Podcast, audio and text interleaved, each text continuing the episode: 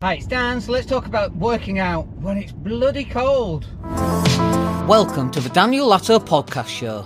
Fresh content covering business, investing, marketing, money, health, and more. Hey, it's Dan, hope you're well. So, on our way to CrossFit, I've got me and Luna in the back. and if you're listening on the podcast, Luna is our dog, our rescue dog that we picked up in June.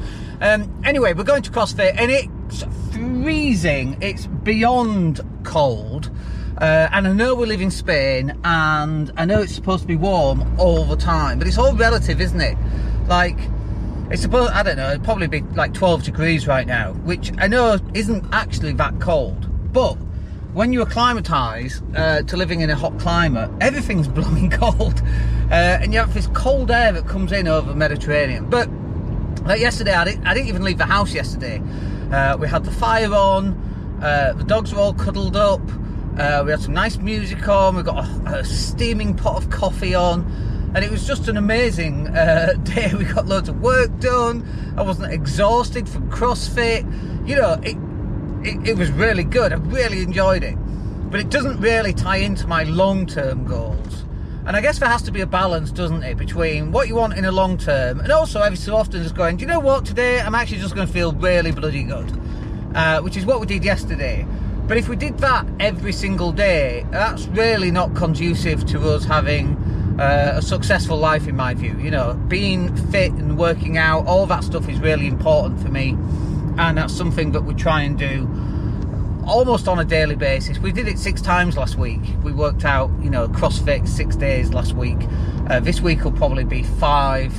Um, if I go on Saturday, but even four still still a lot for a guy in his fifties four days of CrossFit is a lot, folks. Just putting it out there.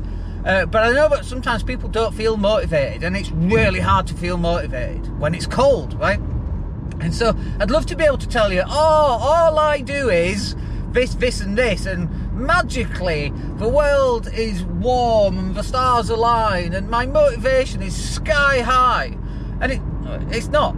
There's no such thing as that. I wish there was. If I could buy it in a pill form, buy motivation, just twenty nine ninety nine.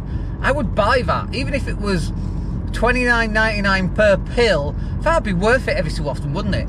That, that stuff doesn't exist. Motivation comes from here and from here, you know, from your heart and your long term goals and all that stuff. And you've got to work out what's important to you. And yeah, it's fine to take the odd day off totally fine. If you're not feeling it and you go, you know what, I'm just going to look after me today, going to keep nice and warm, steaming pot of coffee, love it. But if you do that every single day, there is no way are you going to get closer to your goals. None whatsoever. And so it's really important, I think, that you do take time for yourself, uh, but also you ensure that you have enough time to kick ass and be on top of it and do what needs to get done on a regular basis. And then, yeah, you can have the day off every so often, but the norm is that you go, you work out, you stay motivated, you get your stuff done, and every so often you can have a day off. All right, hope that's useful. But CrossFit in the freezing cold. Let's go kick some ass.